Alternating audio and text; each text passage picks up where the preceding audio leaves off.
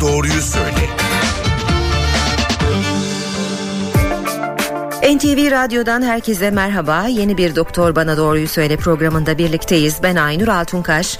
Bugün ağrıları konuşacağız. Konuğumuz Anadolu Sağlık Merkezi'nden ağrı uzmanı Profesör Doktor Ayşen Yücel. Hocam hoş geldiniz yayınımıza. Hoş bulduk. Ee, şimdi yazın bazı rahatsızlıklarımız tetiklenebilir e, ya da rahatsızlanabiliriz. İlk aklımıza gelenler işte e, denize bağlı, yüzmeye bağlı belki ufak sakatlanmalar, e, güneşe bağlı güneş çarpmaları ya da e, dolaşım bozuklukları. E, fakat aslında ağrılar da tetiklenebiliyor yaz aylarında. Bu konuyu belki de fazla bilmiyoruz. Bugün özellikle bu konuda bizi aydınlatmanızı isteyeceğiz. Tabii ki. E, yaz aylarında karşımıza çıkabilecek ağrılar neler olabilir? Ee, çok farklı ağrılar görebiliriz. Biraz önce sizin söylediğiniz yüzme sırasındaki sakatlanmalar her zaman sakatlanma olmayabilir. Daha sık yüzüyoruz kışa göre. Bir takım eklem problemlerini getirebilir bu beraberinde. Veya güneş çarpması çok sık görülen bir şey. Yanık ağrısı olabilir veya güneş çarpması böyle baş ağrısı, kırıklık, yüksek ateşle beraber çok ağrılı seyreden bir durumdur. Ama hani yazın ağrılar tetiklenir dediğimizde aslında bunları kastetmiyoruz. En büyük grup iskelet kas sisteminde hatta direkt olarak kaslarda gördüğümüz ağrılar. Bu halk arasında kulunç denen bir şey vardır biliyorsunuz. Kasın ani kasılıp kalması.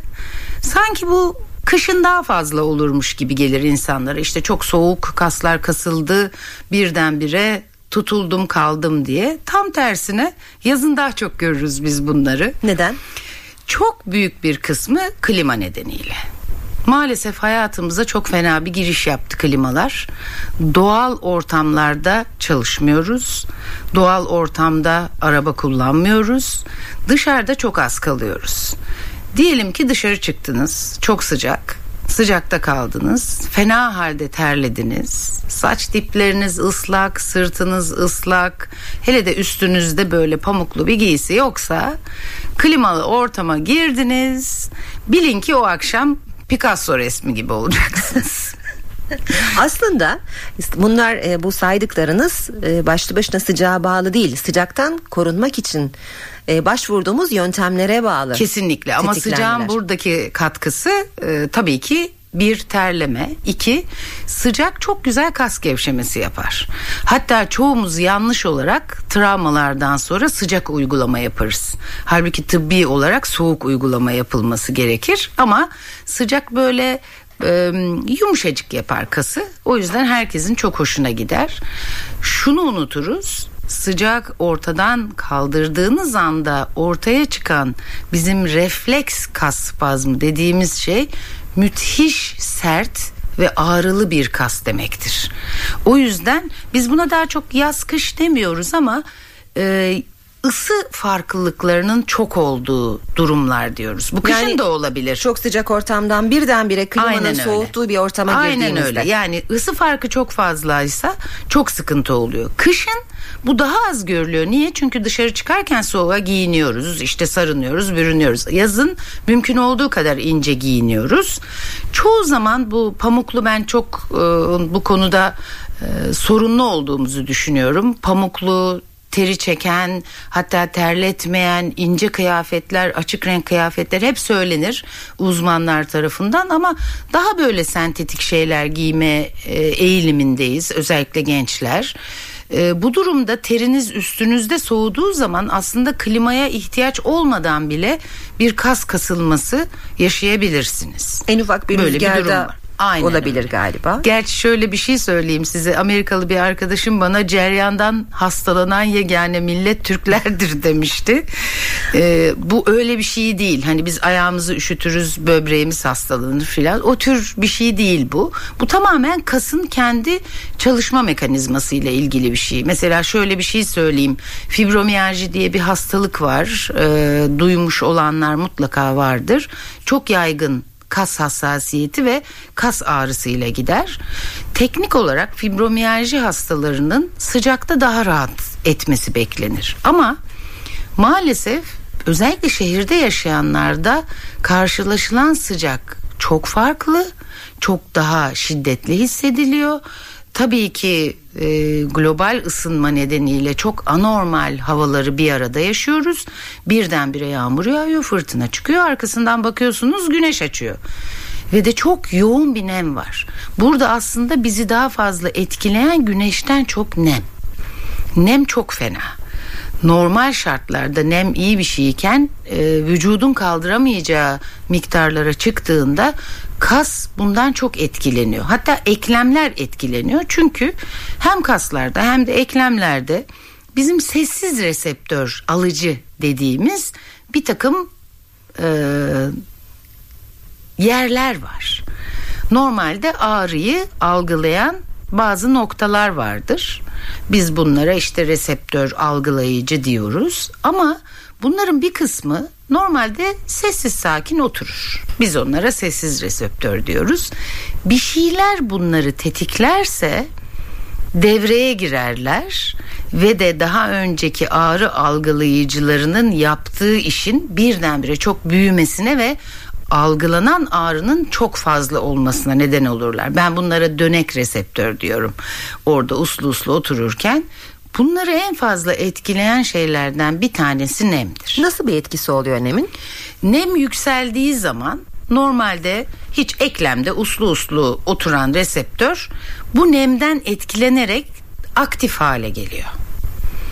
Ve birdenbire normalde hiçbir şey yokmuş sandığınız eklemde, kasta gayet yüksek bir ağrı ile veya kasta bir kasılmayla karşılaşıyorsunuz. Bu daha çok kronik ağrılarda olur. Yani bir eşiği vardır bunun birikir, birikir, birikir bardağın taşması gibi düşünün. Belli bir noktaya gelince de birdenbire bardak taşar ve bu reseptör devreye girdiği için siz normalde hiç ağrınız olmayan mesela bir örnek verirsek osteoartrit diyoruz biz eklemlerde kireçlenme diyelim ki dizinizde var ama diziniz ağrımıyor yani şekil bozukluğu falan oldu ama idare ediyorsunuz böyle bir noktaya gelir pat diye ağrımaya başlar. O Benim, reflekt şey. Aynen öyle. Çünkü artık o e, bardak dolmuştur, eşik aşılmıştır ve bundan sonra artık e, diğerleriyle birlikte bu reseptörde iş görecektir. Yani başınızı belaya sokacaktır. Türkçesi bu. Nemden kendimizi koruma yolu var mı? Aslında yapabileceğiniz çok fazla bir şey yok. Eğer sokakta işiniz varsa, eğer becerebiliyorsanız çok nemli saatlerde aynı güneşin çok yoğun olduğu saatlerde olduğu gibi dışarı çıkmamak doğru bir hareket olur ve demin dediğim gibi mutlaka kıyafetlerinizin uygun olması, şapkanızın olması, işte gerekirse gözlüğünüzün olması gibi yazın gerçekten bunlar çok önemli önlemler ama e, pek ciddiye alınmıyor anladığım kadarıyla. Önemli olan o anda rahatlamak, serinlemek zannediyorum. Evet. Değil mi? Evet. Ee, şimdi az önce saydığınız e, sıcak soğuk arasındaki fark sebebiyle oluşabilecek ağrıları bir de kronik rahatsızlıklarımız olabilir bel fıtığı boyun fıtığı gibi e, bu durumda bu e, zaten sürekli hissettiğimiz ağrıların dozu biraz daha mı artmış olacak? Duruma göre değişir. Ee, örneğin bel fıtığını ele alırsak e, genellikle kronik bel fıtığı e, daha çok halk arasında işte fıtık başlangıcı denilen öyle izah edilmeye çalışılan bir şeydir. Aslında e, gerçek bel fıtığı çok farklıdır. E, kronik ağrıya çok neden olmaz. Çünkü aslında fıtığın kendisi ağrıya neden olmaz. Ancak fıtığın temas ettiği bir sinir dokusu olması, o bölgede bir e, işte ödem benzeri bir şeye neden olması ağrıya neden olur. Veya vücut aa burada bir fıtık var ben koruyayım kendimi dediğinde kas kasılması yapar belimizde özellikle alt bel kaslarında kasılma yapar. Bu bir tedbirdir aslında vücut açısından. Onun ağrısı olur. Yani aslında belim ağrıyor, bel fıtığım var. E, pek de doğru bir cümle Yanlış olmuyor. bildiğimiz şeylerden evet, biri. Evet. Nasıl olabilir? Eğer siz güzel egzersiz yapıyorsunuz. Bel fıtığınız var. Koruyucu egzersiz verilmiş. E yaz geldi, hava güzel. Muntazam yüzüyorsunuz, doğru yüzüyorsunuz kendinizi sakatlamadan. O zaman bu nem veya yaz sıcağı sizi etkilemez. Aksine daha mutlu olursunuz. Ay ben kışın çok kötüydüm. Şimdi daha iyiyim dersiniz. Çünkü orada yapılan bir hata var. Biz diyoruz ki işte burada senin ciddi dejenerasyonun var. Bu fıtık ileride senin başına dert olabilir. Ne yapacaksın? Yüzeceksin. İşte haftanın 3 ya da 4 günü 30 ya da 40 dakika yüzmen lazım. Şöyle algılıyor hasta bunu. Aa tamam şimdi Haziran havuz başladı. Ben Haziran'dan Eylül'ün ortasına kadar yüzerim. Sonra e sonra da zaten çok mutlu mesut bir kış geçiririm ama e, öyle, öyle dünya değil. yok maalesef. yani bizim eksiğimiz biz sporu hayatımıza bir e, normal parça gibi ekleyemiyoruz. Hastalanınca yaptığımız tedavi ama, süreci gibi evet, görüyoruz galiba. Aynen. Üç gün yapacağız. Artık bir daha bizim hiçbir sorunumuz olmayacak. E, bu tabii mümkün değil. E, bir şey daha söyleyeyim e, daha fazla kronik ağrıyla karşılaşıyoruz biz son zamanda ve daha erken yaşta karşılaşıyoruz. Eskiden diyelim ki 20'li yaşlarda bir bel fıtığı gördüğümüzde çok şaşırırdık. Aa ne oldu acaba? Ailevi bir şey mi var? Zeminde bir romatizmal hastalık mı var? E şimdi 16-17 yaşında ameliyat olanlar var. Çünkü artık modern hayatla beraber Hareket hareketsiz maalesef.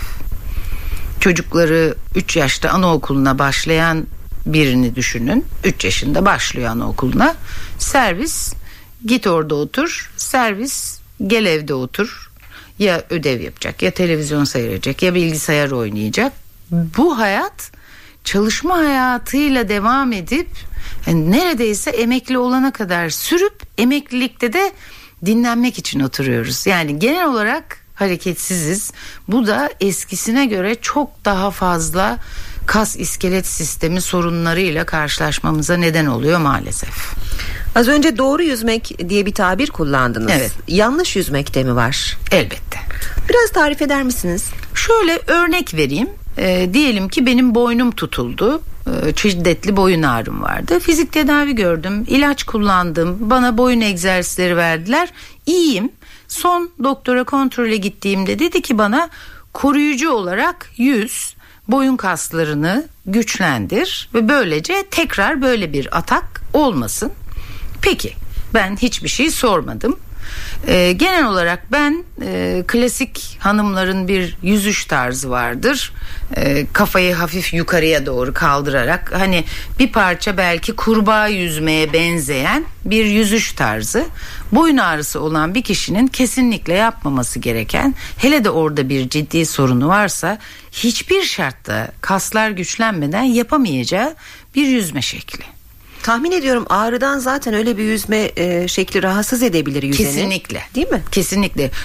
Şöyle bir hikaye e, vardı. Hastaya yüz diyor doktor. Gidiyor yüzüyor çok fena oluyor. Daha beter böyle kasılmış geliyor.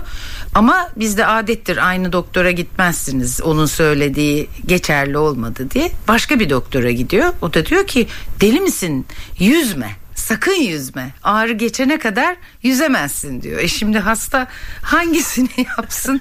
Bu böyle bir durum. Veya çok iyi yüzüyorsunuz, stil yüzüyorsunuz, kafanız içeride, işte üç kul, kulaçta bir nefes alıyorsunuz, çok güzel. Ama eğer daha yeni boynunuz tutulmuşsa, o nefes alma sırasında veya sırtınızda bir sorun varsa, e, olduğu gibi dönüyorsunuz. Vücut rotasyon yapıyor. Bunu yapamazsınız ilk zamanlar. Önce bir vücudunuz alışacak veya çok rastladığımız bir şey var ben hastalara çok söylüyorum. Yüzmek tek başına yapılınca sıkıcı bir aktivitedir. E, havuza girip deli gibi böyle e, hızlı hızlı hızlı hızlı hızlı hızlı bir an önce yüzüp işte çok iyi yüzdüm değil. Aynı zamanda biz suyu kas gevşemesi için de kullanıyoruz. Yani kendinize sürekli yavaş diye telkin etmeniz, şöyle bir en başta sırt üstü yatıp yumuşak yumuşak kollarınızı çevirerek rahatlamanız. Çünkü iş arasında yaptığınız bir aktivite belki de işten sonra gittiniz. E düşünün zaten bütün kaslarınız bütün gün çalışmamış berbat vaziyetteler. Siz daha hiç ısınmadan kendinizi suya atıp deli gibi bir yarım saat yüzerseniz bitti. O onun hiçbir şekilde faydası olmadı. Bu da yanlış yüzmek. Kesinlikle. Peki e, migren ve baş ağrıları. Hı hı. Bunu çok fazla hissediyoruz e, sıcağın etkisiyle. Kurtuluşumuz var mı bundan? Yazın hakikaten migren atakları çok tetikleniyor. Yazın sadece migren atakları da tetiklenmiyor. Biraz önce konuştuk terliyoruz, ensemizdeki kaslar kasılıyor. Özellikle ensedeki kaslardan tetiklenen gerilim baş ağrıları da çok tetikleniyor. Sıcak çok kötüdür migren için. Hatta e, zaman zaman gazetelerde okuyoruz işte çöl tozları geldi. Eyvah bütün migren atakları hastanelere doldu. E, böyle bir havadaki iyon değişiminden veya havadaki gaz değişiminden, nem değişiminden, hatta rüzgardan bile ne yazık ki migren hastaları etkileniyorlar. Ha bundan kurtulmanın yolu var mı? Hani çalıştığınız ortam böyleyse işte 40 derecede çalışıyorsanız öte yandan eğer çok klima çalıştırırsanız klimanın migreninizi tetikleme ihtimali varsa çok böyle e, iyi bir denge hı hı. oturtulması gereken bir klinik durum migren. Bir, bir kere mevcut tedavisine çok sıkı tutunacak. Çünkü migren hastalarının iki tür tedavisi vardır. Bir, birisi atak gelmesin diye koruyucu tedavi dediğimiz tedavi. Diğeri de atak tedavisi. Yani ağrı gelmesini hissettiği anda ona özel verilmiş bir ilaç vardır. Onu alır, atağın daha hafif atlatılmasını sağlar. Burada hem sıcaktan korunacak migren hastası hem de klimayı çok akıllı kullanacak ondan da korunacak. Ve o dönem içerisinde eğer sık atağı varsa da koruyucu tedavisinden kesinlikle vazgeçmeyecek. Biraz tabi kolay bir şey değil. Kronik ilaç kullanımı çok zor bir şey. Hele de baş ağrısı için evet. kullanıyorsanız çok zor bir şey. Ama şu konuda da uyarayım migren tanısının da kesin olması lazım. Çünkü migrene benzeyen e, yanlışlıkla diyeyim migren tanısı konmuş baş ağrıları da olabiliyor. Yani baş ağrılarının 200 küsür e, üzerinde bir rakamla ifade edildiğini çeşitlerini söylersem e, her baş ağrısı da migren değil. E, bu konuda da gerçekten doğru adreste e, iyi bir tanı konmuş olması gerekiyor. Bu da başlı başına bir program konusu zaten Aynen öyle. migren. Aynen öyle. E, yüz felci zaman zaman aşırı terin ardından klimalı ortama girmek ya da camları açık otomobilde hızlı seyahat ederken başımıza gelebilecek durumlardan biri. Ee, çok sık karşılaşıyor muyuz bunlarla ve tedavisi var mı? Hayır. Ee, onların çok farklı nedenleri var. İşte bu soğuk, sıcak. Daha çok sıcaktan çok e, aşırı soğukta olur e, yüz felci. E, hani böyle baktığınız zaman kışın daha fazla görülür yaza göre. Ama bunun şöyle bir önemli tarafı var. Hani yüz felci işte neden olur? Üzüntü sıkıntıdan da olur biliyorsunuz. Çok yaygındır. İşte bir şeye mi üzüldü acaba? Yüz felci oldu diye. Bizim ilgilendiğimiz kısmı ağrılı yüz felci vardır. Çok fena bir şeydir. Çok belalı bir ağrısı vardır.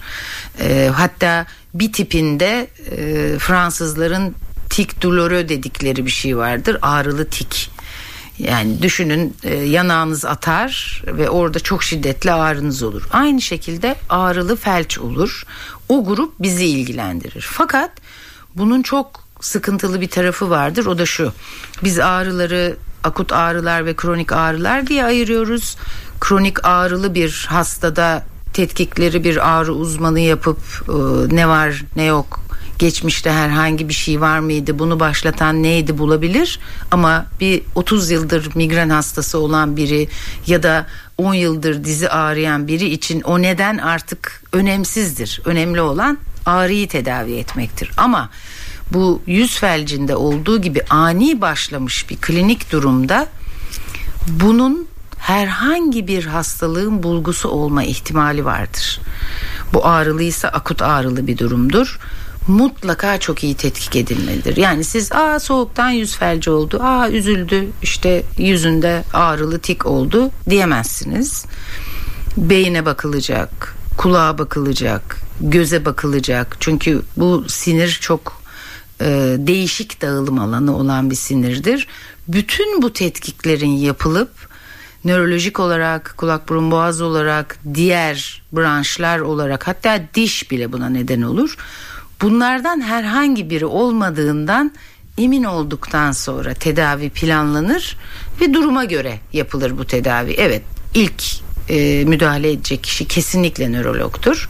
Onların yapması gereken hemen acil tedaviler de vardır ama bunlar devam ederken mutlaka ve mutlaka tetkikler tamamlanır. Bu grupta bizim bir etkimiz var mı? Evet. Çok şiddetli ağrılıysa hasta klinik tabloyu örtmeyecek derecede bir ağrı tedavisiyle biz nöroloğa yardım ederiz orada. Şimdi güneşe bağlı göz ağrıları da var. Hı hı. Güneş gözlüğüyle korunmak yeterli olacak mı? Ya da tüm yaz boyunca hep güneş gözlüğü mü takmak zorundayız? Bir kere ikincinin cevabı evet. Yani kesinlikle yaz boyunca güneş gözlüğü takacağız, gözümüzü koruyacağız. Bunda hiç şüphe yok ama gözlük ne kadar koruyor? Orada gözlük tipi de önemli. Mutlaka bizim güneş ışınından koruyan bir gözlüğümüz olmalı. Birçok gözlük tipi var. Biz gözlüğü biliyorsunuz e, Aksesuar duruş şekli işte evet. yakıştı mı yüzüme oldu mu aa bu sene moda ne o şekilde seçiyoruz. Halbuki gözünüze ne kadar oturdu ışınlara ne kadar engel olduğu o kadar çok madde var ki bir kere mutlaka güneş gözlüğü kullanacağız. Bundan hiç kaçış yok. Hatta bazen güneş çarpmasının ilk belirtisidir. Göz arkasında böyle sanki basınç varmış gibi. Ay ben herhalde çok güneşe baktım. Ee, ondan dolayı gözüm ağrıyor diye başlayan güneş çarpmaları vardır. Kötü bir alışkanlığımız var. Güneşlenirken iz yapıyor diye hiç hoşnut değiliz gözlükten. O yüzden mutlaka güneşlenirken gözlüğümüzü çıkarıyoruz. Bu da aslında her şey hani şey güzelleşmek güzellik için. için uğraşırken başımıza yeni bir evet. e, dert almayı getiriyor. Bir problem daha var. Gözümüz bozuk olabilir. Ama eğer güneş gözlüğümüz numaralı değilse onu kullandığımız süre içerisinde bu sefer ona bağlı yani gözdeki o konsantrasyonun getirdiği e, ağrılarla da karşılaşabiliriz. Tabii daha pahalı onlar anlayışla karşılamak lazım kolay bir şey değil. Ee, belki kendi normal gözlüğünün üstünden kullanılabilecek bir güneş gözlüğü seçilebilir. Teknik olarak ne kadar mümkündür bilmiyorum ama e, gözlük ve şapka yazın vazgeçilmeniz olmalı hepimiz için. Bir e, yakınımın başına geldiği için e, soracağım. E, sıcakta bacak ağrıları başladı. Hatta hay Allah romatizmam da yok nereden çıktı bu bacak ağrısı dendi. Sonra acaba varis mi e, dendi. E, doktora gidildi evet varis. E, Birçok insanın da başına geldiğini duyuyorum. Sıcakta bacak ağrıları gerçekten artıyor. Bunların sebebi e, varis ya da buna e, benzer rahatsızlıklar mı? Çok büyük çoğunluğu evet. Ee, hani daha önce fark etmemiş olabilirsiniz özellikle işte e, gizli varis denilen halk arasındaki daha içerideki damarlardan kaynaklanan e, varislerde dıştan bir görüntü olmadığı için fark etmeyebilirsiniz. Ne oluyor? Sıcakla beraber bir genişleme oluyor oradaki damarlarda. Kan normalde kalmadığından daha fazla uçlarda kalıyor. Hele de hareketsizsek yukarıya doğru kan dönüşünde ciddi bir sorun yaşıyoruz.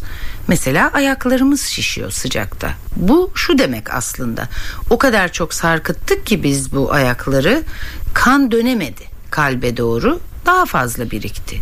Veya genellikle budur ama bazen de doku arasına da sıvı kaçtığı için şişme olur. Eğer yazın normalde kışın olmayan bacak ağrılarımız varsa ve biraz hareket etmekle, yürümekle sanki daha rahatlıyorsak burada varis ihtimalini mutlaka düşünmeliyiz. Çünkü artık çok genç yaşlarda da oluyor. Evet. Biraz vücut ağırlığı ile ilgili bazen daha şişmanlarda daha fazla oluyor ama zayıflarda olmayacak diye bir kaide yok. Biraz damar yapısı ile ilgili bir şey ailevi yatkınlıkta olabiliyor bazı kişilerde. O yüzden akla gelmeli ama bir şey daha var çok yazın gözden kaçar. Çok elektrolit kaybediyoruz. Yani bize lazım olan bazı elementleri kaybediyoruz yazın. Bu daha çok terlemeyle. En çok da tuz kaybediyoruz. Ve dikkat etmezsek bunlar kas kasılmalarına neden oluyor küçük küçük. Ve bu kasılmaları en fazla duyduğumuz yerler de bacak alt bacak, alt bacağın arka tarafı, dizimizin altında böyle kasılmalar, işte kramplar, evet. böyle şeyler oluyor. Bunu da mutlaka gözden geçirmek lazım. Böyle bir eksikliğimiz var mı? İşte sodyum eksikliği olabilir bu, kalsiyum eksikliği olabilir. E, o tür bir tetkik yaptırıldığı zaman fark ediliyor. Onun için diyorum ki hani hep söylüyoruz ya aman su için su için 8 bardak artık herkes ezberledi. Yazın mutlaka su miktarına bir çok dikkat etmek lazım. İki beraberinde tuz kaybettiğimizi unutmayalım. Tabii ki burada tansiyon hastaları, e, tuzun yasaklandığı hastalar çok daha dikkatli olacaklar ama bilin ki suyla beraber bazı elementleri de kaybediyoruz. Peki bunun için maden suyu tüketelim derler. Bu doğru bir yaklaşım mı? Doğrudur. Çünkü çok güzel elementler var maden suyunun içinde. Yeter ki e, fazla tüketmeyelim. E, bir gazlı olduğu için e, kolay değildir. Özellikle mide bağırsak sorunu olanlarda sıkıntı yaratabilir. İkincisi de biraz önce konuştuğumuz tansiyon hastaları grubu. Ama günde bir iki tane maden suyunu yazın içmenin hiçbir sakıncası yok. Hatta ayranla karıştırabilirler. Evet. Çok da güzel bir lezzet olur. Yaz için harika bir e, içecek olur. E, kanser tedavisi görenler ya da e, kalp rahatsızlığı geçirenler yani e, biraz daha e, zorlu yaşam koşulları ile mücadele etmek zorunda kalanlar. E, yazın onlara ne tavsiye edersiniz? dışarı çıkmasınlar. Kötü bir tavsiye oldu tabii ama mümkün olduğu kadar e, güneşten her iki grubunda çok ciddi korunması lazım. Hani hava çok sıcak işte hastalığı olanlar, ileri yaştakiler dışarı çıkmasın deniyor. Bu herhangi bir uyarı değil. Hem kanser hastaları için, tedavisi devam eden hastaları için hem de kalp hastaları için çok tehlikeli sıcak gerçekten çok tehlikeli. O yüzden mümkün olduğu kadar bir kendilerini korusunlar biraz önce konuştuğumuz şapka gözlük vesaire ama mümkünse o çok sıcak 4 saati içerlerde geçirsinler. Yüzmek istediklerinde de belki sabahın erken saatlerinde ya da işte güneşin battığı saatlere yakın saatlerde aslında herkes Tavsiye için geçerli musunuz? o. Yani e, öğlen sıcağında yüzmek hiç kimse için sağlıklı değil. Mutlaka erken saatte yüzeceksiniz. O çok çok önemli bir şey. E bacım çok da uyanamıyorsunuz. Yani sağlıklı yüzme nedir biliyor musunuz? Sabah deniz kenarındasınız veya havuza gideceksiniz. 8'de en geç orada olun. 11'de mutlaka çıkın. Tekrar ne zaman gidin? 3'ten sonra. Hatta daha sıcak bir bölgedeyseniz, güney illerindeyseniz 4'ten sonra. Arada kestirin. Tatildeyseniz uyuyun. Dünyanın en güzel uykusudur yazın öyle uykusu. Uygun bir soğuklukta ama değil mi? Aynen. Bunun bir derecesi var mı hocam? E, kişiye göre değişir. Hani sağlıklı derece özellikle yazın 24-25 derece denir ama hani bazı insan için çok düşük gelebilir 24-25 derece. Bazı insan için de çok yüksek gelebilir ama hani uyuyorsanız 24-25 derecenin altında uyumak da çok sağlıklı değil. Onun için ortalama 25 derece gayet iyidir. Bu arada dinleyenlerimize hatırlatalım. Bugün ağrıları, yaz ağrılarını özellikle konuşuyoruz. Anadolu Sağlık Merkezi'nden ağrı uzmanı Profesör Doktor Ayşen Yücel ile birlikteyiz. Ben e, genel olarak şunu da sormak isterim. Şimdi belli bir ağrıyla bir hekime başvurduk ve o ağrıya yönelik yani ağrının sebep olduğu rahatsızlığa yönelik bir tedavi sürecine başladık. E, burada ağrı uzmanı hangi noktada devreye giriyor? Hangi rahatsızlıklarda? Çok rahatsızlıkta devreye giriyoruz biz. Örneğin iskelet kas sistemi ağrılarında bel fıtığı, boyun fıtığı diyelim. E, fizik tedavi ile beyin cerrahisinin arasında duruyoruz. Hasta bir takım tedaviler gördü ama iyileşemedi. Ama aynı zamanda henüz ameliyat edilecek durumda değil. İşte bu hastalar bizim hastalarımız. Veya benzer şekilde kanser hastalığı, Tabii ki tedaviyi onkologlar, radyasyon onkologları, medikal onkologlar yürütüyor ama hastalığa bağlı bir yandan da hastanın bir ağrısı var. Diyelim ki bir sinir sıkıştı tümör yüzünden veya e, tedavi yüzünden ağrıları var. Çünkü kemoterapiye, radyoterapiye bağlı ağrılar da görülebilir. E şimdi bu hastanın Diyelim ki tedaviye bağlı ağrısı var kesecek misiniz tedavisini? Hayır. O zaman ne yapacaksınız? Bir ağrı uzmanından yardım isteyeceksiniz ki o hasta konforlu olarak o tedavisine devam etsin. Aslında dünyada bize e, iğneci doktorlar diyorlar. Belki öyle özetlenebilir. Bizim görevimiz nerede başlıyor? Daha çok ilaç tedavisi, e, ilaç dışı yöntemler diyelim, fizik tedavi yöntemleri, bir takım tamamlayıcı tıp yöntemleri eğer başarılı değilse, öte yandan cerrahi herhangi bir tedavi yapılamıyorsa bu ağrı için veya henüz yapılması gerekmiyorsa mutlaka ağrı uzmanına ihtiyaç var demektir. Neden iğneci? E, yaptığımız tedavilerin çok büyük çoğunluğu e, değişik sinir blokları, enjeksiyonlar. E, hani diyoruz ya ağrıya neden olan sinir. Biz onu buluyoruz. Çeşitli yöntemlerle kafasına vuruyoruz. Ağrı yapmasına engel oluyoruz. Yok edebiliyor musunuz ağrıları tamamen? Yok edebiliyoruz. Çok farklı yöntemlerimiz var. Çok modern yöntemlerimiz var. Tıp tabii ki teknolojiyle çok ilerledi. Hı hı. Ağrı tedavisinde de teknolojiyi biz çok kullanıyoruz. Mesela radyo dalgalarıyla sinirleri yakıyoruz. Mesela omuriliğe pil yerleştiriyoruz. Ağrısı olduğunda hasta çalıştırıyor. Veya omuriliğe morfin pompası yerleştiriyoruz. Hastanın hiçbir ilacı almasına gerek kalmıyor. Normal hayatını devam ettirirken o pompa minik minik ilaç pompalıyor omuriliğe ve hastanın ağrısı kesiliyor. Çok farklı tedavilerimiz var yani teknoloji bizim işimizde tam alet işler el övünür iş yapıyoruz biz. Şimdi öyle güzel bir e, gelecek çizdiniz ki hayalimizde ağrısız bir dünya e, adeta canlandı. Böyle bir dünya var mı? E, aslında o hiç de hayal değil. Ee, çok ilginç çalışmalar var ağrı konusunda. Özellikle beyin görüntüleme çalışmaları inanılmaz. Ee, öyle bir hale gelecek ki bir fonksiyonel MR yapacak ileride bir klinisyen neresi etkileniyor bu ağrı olduğu zaman niçin ve dolayısıyla o hastaya direkt yönelik ona has tedavi ne? Ee, mesela ağrı konusunda en büyük sorunlardan biri şudur biliyorsunuz tamamen sübjektif. Siz şimdi bana başım ağrıyor diyorsunuz. E ben size inanmak zorundayım. Evet. Ama aslında siz ya e, başka sorunlarınızdan kaçmak için bunu söylüyorsunuz veya aslında sizin ağrınız tamamen psikolojik onun farkında bile değilsiniz. İkisi de olabilir. Ben şimdi bunu nasıl ayırt edeceğim? Ben bunu daha çok deneyimle size sorduğum sorularla bazı muayene yöntemleriyle yapıyorum. Ama artık gayet kolay olacak. Göndereceksiniz. Çekilecek, tetkikler yapılacak Gelecek hasta hmm, bakacağım diyeceğim ki yo sen bir şeye üzülmüşsün. Onun için bu ağrın var. Biraz abartılı anlatıyorum ama çok uzak değil. Çünkü bu konuda çok çok yüz güldürücü çalışmalar yapıldı.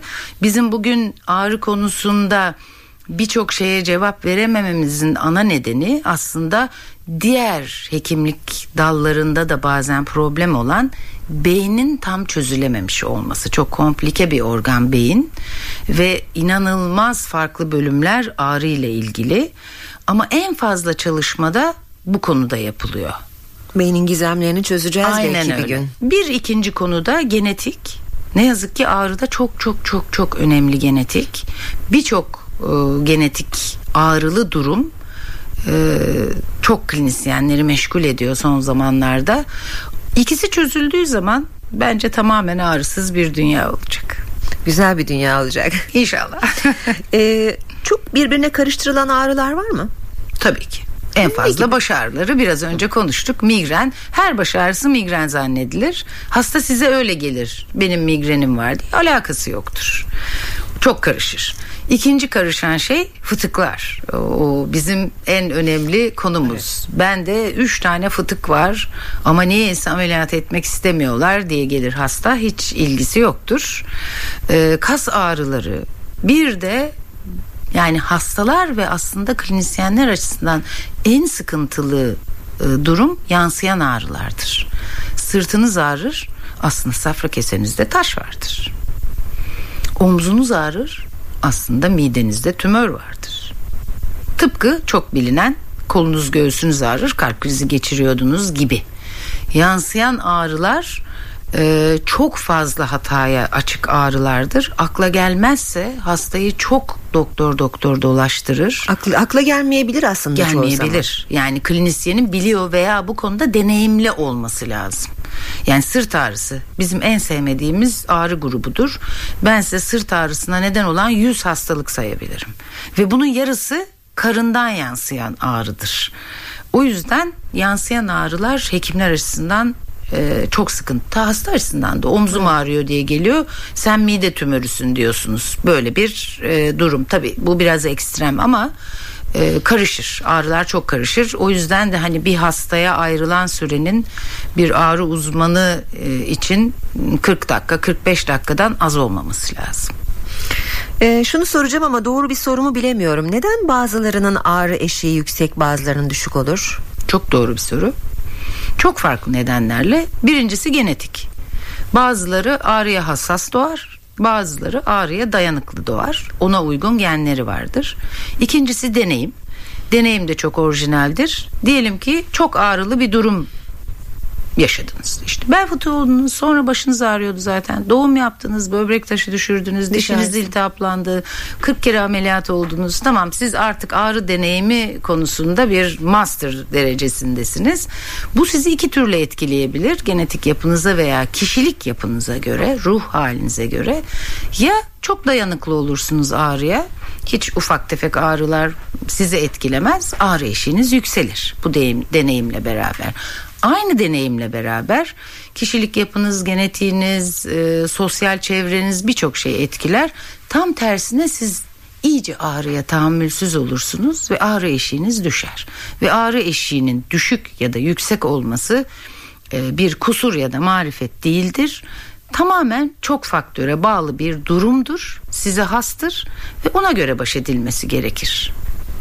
Peki her e, ağrı hissettiğimizde ağrı kesiciye başvurmak gibi alışkanlıklarımız da var. Evet. Bunun bize ne gibi zararları oluyor? Sayısız zararı oluyor. Dünyanın en yanlış şeyi. Bir kere ağrı tedavisinde ağrı kesici ağrı oldukça alınmaz. Hiçbir şekilde. Ee, ben ona hep şu örneği veriyorum. İşte ben bunu kullanmadım diyor. Niye kullanmadın? İşte bekledim çok şiddetlensin de sonra alayım. Onun için kullanmadım. E siz tansiyonunuzu bekleyip çok şiddetlenince mi tansiyon ilacı alıyorsunuz ya da şekeriniz çok yükselince mi? Hiçbir zaman ağrı olunca ilaç almak diye bir şey yoktur. Muntazam kullanmak vardır. Ama bu bizim kendi kendimize yapabileceğimiz bir şey mi? Elbette değil. Bunu muhakkak bir hekimin düzenlemesi lazım. Burada gerektiği zaman ağrı kesici diye bir tedavi yoktur. Ama öbür taraftan her ağrıda ağrı kesici diye bir tedavi de yoktur. Küçük bir örnek vereyim. Başınız ağrıyor. Her ağrıdığında basit ağrı kesici alıyorsunuz. Bilin ki bir süre sonra aldığınız ağrı kesici miktarı otomatik olarak artacaktır. O arttıkça daha çok alacaksınız. Ağrınız gene olacak daha çok alacaksınız. Bir noktada siz artık ağrı kesici kötü kullanım baş ağrısı sahibi olacaksınız. Adı budur. Böyle ağrının. bir literatüre Böyle geçmiş bir değil mi ağrı var? var. Günlük müzmin baş ağrısı diye de geçiyor ama kötü ağrı kesici kullanım baş ağrısı. Böyle bir tanı var ve inanın bana migrenden bile zordur tedavi etmesi. Biz kendimize yapıyoruz. Aynen. Aynen. Hani bazen deniyor ki bu ağrı kesiciler niye bu kadar reçeteye tabi oldu, yasaklandı, ne kötü oldu. Aslında doğru. Şu da doğru mu? Çok sık e, ağrı kesici aldığımız için artık bir süre sonra bu ilaçlar işe yaramıyor, ağrımı kesmiyor. Bu Kesinlikle. da bir şehir efsanesi mi doğru mu? Kesinlikle doğru. Tolerans dediğimiz şey o ama tolerans dediğimiz şey sanki hep böyle morfin benzeri ilaçlarda olurmuş gibi bir e, alışkanlık olduğu için aldığımız basit ağrı kesicilerde bunun olmayacağını sanırız. Hayır bu bir şehir efsanesi değil doğrudur. Hatta işte bir süre sonra o alsanız da ağrır almasanız da ağrır kısır döngüsüne de girersiniz sırf bu yüzden. Peki son olarak şunu da sorayım. Ee, yaz ağrıları diye başladık ama e, sıcağın, güneşin, nemin dışında ağrılarımızı tetikleyen çevresel faktörler neler olabilir? Şehir başlı başına suçlu. Evet, kesinlikle. Eğer çok e, ağrılıysak kesinlikle şehirden çıkıp gitmeliyiz. Kronik ağrıları çok tetikler. Ee, eskiden bahar yorgunluğu diye bir şey vardı. Çok konuşulurdu. İşte havadaki iyon dengesi değişiyor. Birdenbire nem değişiyor. Ee, işte o yüzden vücut buna cevap vermeye çalışıyor. Uyku düzeni değişiyor, günler uzuyor vesaire. Şimdi maalesef artık bahar yorgunluğu yok. Şimdi artık kronik yorgunluk var. Sürekli şehirde yaşayanlar kırıklık, isteksizlik, sabah uyanamama sanki böyle herkes fibromiyalji olmuş gibi bir durumumuz var maalesef. Ağrılı uyanmak diye bir şey var. Aynen öyle ve bunu tamamen şehir hayatına borçluyuz. Ee, yani yapacak bir şey yok. Son derece olumsuz şehir hayatı. Trafiğinden tutun gürültü kirliliğine, hava kirliliğine, yetişememeye, hiçbir şeye sürekli bir telaş içinde olmaya, yeterli uyuyamamaya, yeterli sosyal aktivite ya da dinlenme yapamamaya hepsini sayın. Hakikaten artık kronik ağrılı hastada çok ciddi bir artış var daha uygar oldukça daha fazla ağrı sahibi olacağız. Umarım bu çalışmalar çok hızlı sonuçlanır da Umarız. bunlardan kurtuluruz. Peki çok teşekkür ediyoruz ben teşekkür programımıza ediyorum. katıldığınız için. Bugün doktor bana doğruyu söyledi. Anadolu Sağlık Merkezi'nden ağrı uzmanı Profesör Doktor Ayşen Yücel ile birlikteydik. Yeni bir programda buluşmak üzere hoşçakalın. Doktor bana doğruyu söyle.